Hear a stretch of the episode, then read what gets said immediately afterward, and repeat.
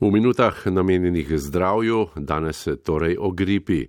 Virus, ki ga širi, je že sam po sebi fascinanten, saj se neprestano spreminja, s tem pa postaja priprava cepiva prava loterija. Več v prihodnih minutah z Majo Ratej. Ambulanta 202. Virus gripe nas zmeraj preseneča. Mislim, napovedovati, kaj v gripi je res nehvaležno dejanje. Ne? Ta neznanec z več obrazi je za nameček celo naš precej pogost spremljevalec. V glavnem nekako ocenjujejo, da odrasel človek tam po 30. preboli dve do tri uh, gripe na desetletje.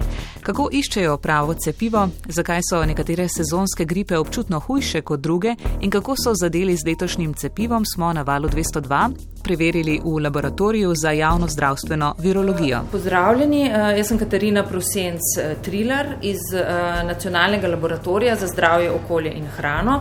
Zdaj smo v uh, nacionalnem centru za gripo, kjer se ukvarjamo z sledenjem virusov gripe. Trenutno je sezona influence in imamo seveda polne roke dela. Virus gripe izvira uh, iz uh, njegove primarne gostitelji so ptiči, predvsem vodni ptiči in pa tudi druge živali. Vsekakor se je pa v njegov razvoj človek gotovo vključil že, že zelo zgodaj.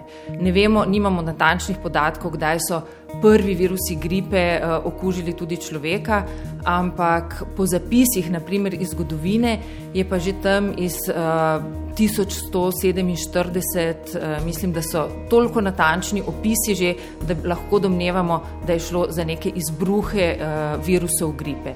Se pravi, takrat bi lahko rekli gotovo, ampak jaz sem prepričana, da je do preskoka prišlo že mnogo prej. Ptiči so primarni gostitelji vseh vrst gostiteljev gripe tipa A to pa so lahko tudi prašiči, konji, psi in tako naprej. Ta preskok med skupinami živali omogoča, da so virusi gripe izjemno prilagodljivi. Njihov genom je majhen in se zato zelo hitro spreminja. Koliko različnih vrst gripe pravzaprav poznamo in zakaj so tako pestri? Ja, najprej moramo reči, da pač poznamo štiri vrste. Velike virusov gripe, to je uh, influenza A, influenza B, C in D. S tem, da za nas sta najbolj pomembni influenza A in B, ker uh, te dve okužita uh, ljudi. Influenca C sicer tudi lahko okuži ljudi, vendar je pretežno na prašičih. Influenco D pa so odkrili približno deset let nazaj, to pa so zaenkrat odkrili samo v govedu. In uh, potem v, in v skupini influence A pa imamo izjemno pestrost. Uh, določamo jo po dveh pomembnih beljakovinah, ki sta na površini tega virusa. Eni rečemo hemaglutinin in jo označimo s H, in drugi neuraminidaza in jo označimo z N.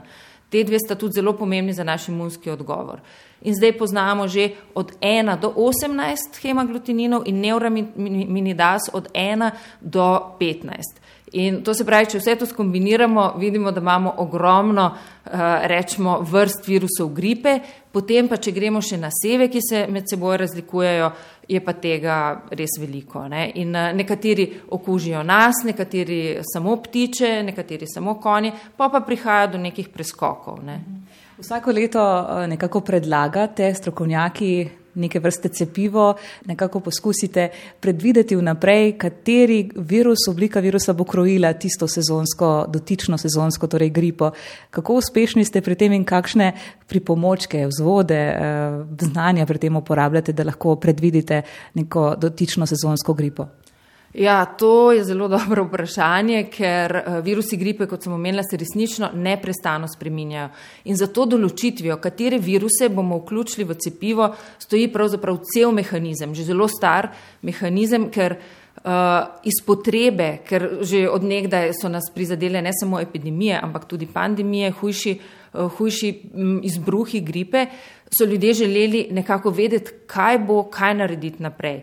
In tako se je že leta 1947 ustanovila mreža laboratorijev za gripo. Prav še pred ustanovitvijo Svetovne zdravstvene organizacije. To je prav neverjeten ta pojav, kakšna je bila ta potreba in ta mreža obstaja še danes.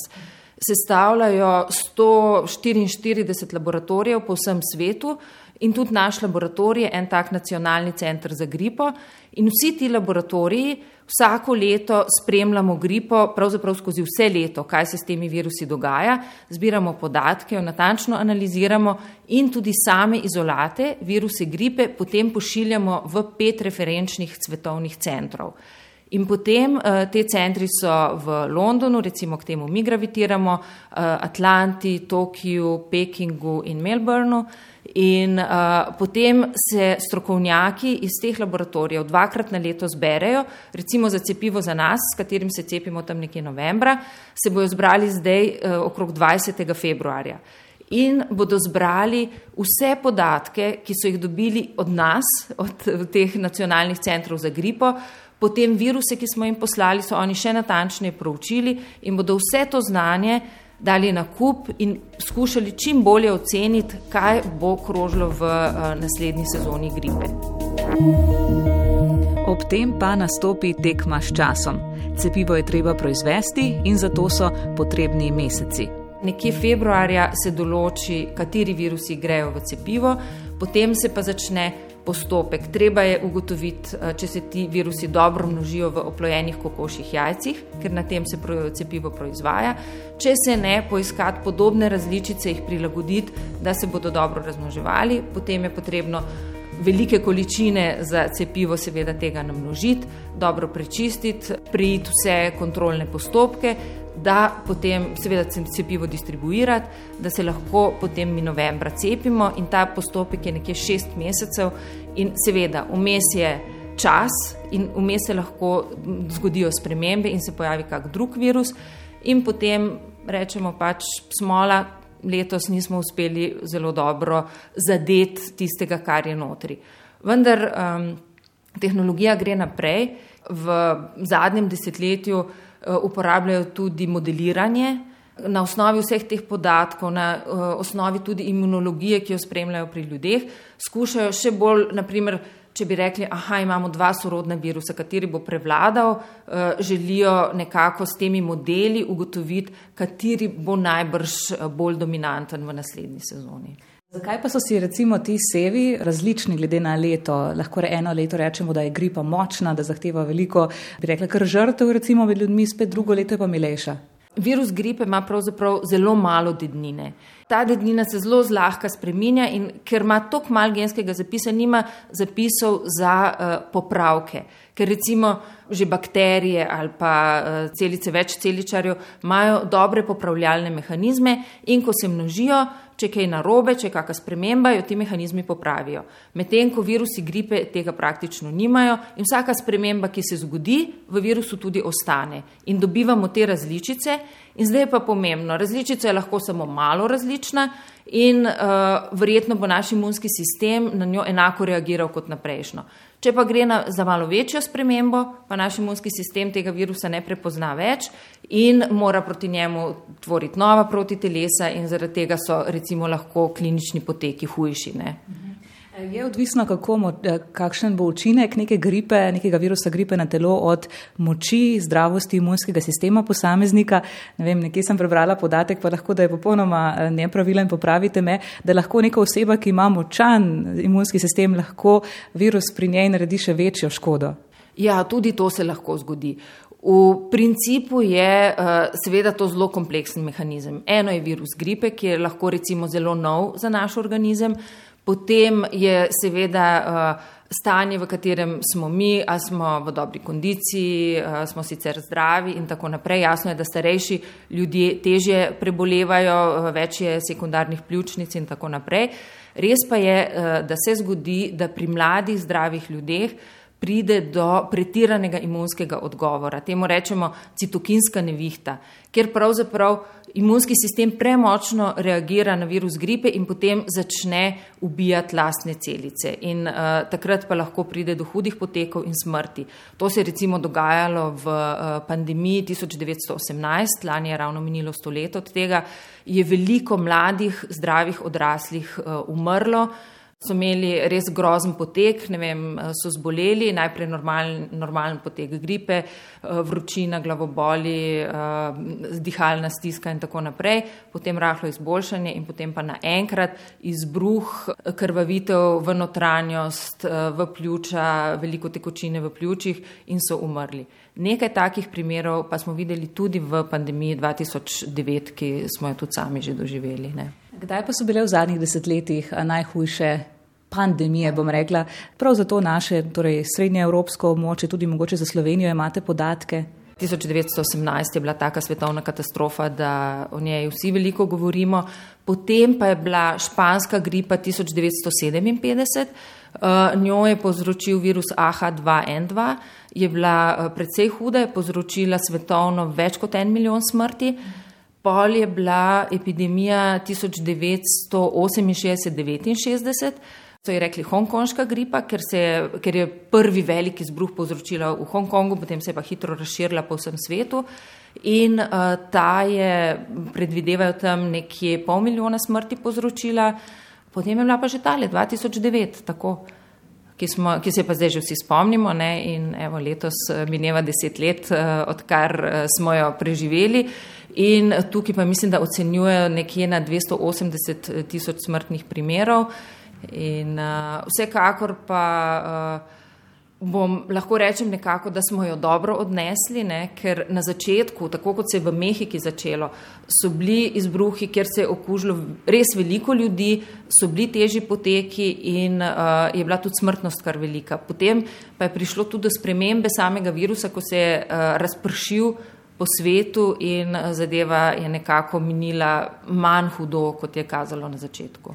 Pa se strokovnjaki, glede na trenutne, recimo globalne razmere v svetu, kjer je veliko več gibanja, ne, bojite, da bi spet lahko se pojavil kakšen tak masoven izbruh gripe, nova pandemija, ki bi bila res velikih razsežnosti? Ja, absolutno. Zaradi tega, ker pač virus gripe nas zmeraj preseneča. Mislim, napovedovati, kaj v gripi je res nehvaležno dejanje. Ne? In uh, virusi Zdaj poznamo, eh, recimo, kateri eh, virusi krožijo med ptiči, kateri virusi krožijo med ljudmi. In pri današnjem uh, frekvenci potovanj in, in mešanju ljudi, gibanju, bi, če bi prišlo do takega virusa, ki recimo ima to sposobnost, uh, da okuži veliko ljudi in hkrati uh, ima tudi zelo težko klinično sliko, bi nas lahko doletela res huda pandemija, ne glede na to, da pravzaprav je zdaj. Eh, zdravstveni sistem je boljši. Od eh, teh hujših pandemij, pa k blažjim oblikam, eh, se lahko zgodi, da recimo gripo prebolevamo, pa sploh ne vemo. Pravite, da ja, mi imate in recimo koliko krat na desetletje, recimo povprečju bi lahko rekli, da zbolimo za gripo, pa niti ne vemo, da je šla mimo nas. Ja, zdaj vemo, ne vemo, ampak v glavnem nekako ocenjujejo, da odrasel človek tam po 30. preboli dve do tri uh, gripe na desetletje. Otroci pa več, zaradi tega, ker pač se še niso z veliko virusi uh, srečali, potem eh, tudi otroci, ki se družijo med sabo, naprimer otroci izločajo več virusa, kadar se okužijo, se družijo med sabo, okužijo vrstnike in tako naprej. In je to tudi nekak normalen potek, se otroci se tudi z drugimi virusi večkrat okužijo. Ne? Za odraslega pa domnevajo nekje dva do trikrat na deset let. Zdaj smo torej že proti koncu januarja, gremo za gripo, bo še kakšen mesec, je še to obdobje, ko je še aktivna med ljudmi. Kakšna je letošnja sezonska gripa? Letošnja sezonska gripa po epidemioloških podatkih, se pravi število eh, obolelih, delež obolelih, je nekako poprečna zaenkrat. Eh, po viroloških podatkih določamo pretežno virus AH1N1, tisti, ki smo ga dobili s pandemijo in zdaj se je malce sicer že spremenil, ampak nekako te sorte. Nekaj je tudi AH3N2, zelo malo je pa influence B letos zaenkrat, zna biti, ta se pa dosti krat pojavi ob koncu sezone, da je potem še nekaj influence B. Je cepivo za delo, torej letošnjo sezonsko gripo? Zaenkrat kaže, da so sevi v cepivu ta pravi. Tako naša tokratna sogovornica, magistrica Katarina Prosenc Triller iz Laboratorija za javno zdravstveno virologijo. Ob tem še povejmo, da so enega od virusov gripe, ki so ga izolirali v tem laboratoriju, vključili v cepivo proti gripi, tako imenovano Flumist, ki se ga ubrizga v nos in se ga uporablja v Združenih državah Amerike in ponekod po Evropi, zlasti za cepljenje otrok.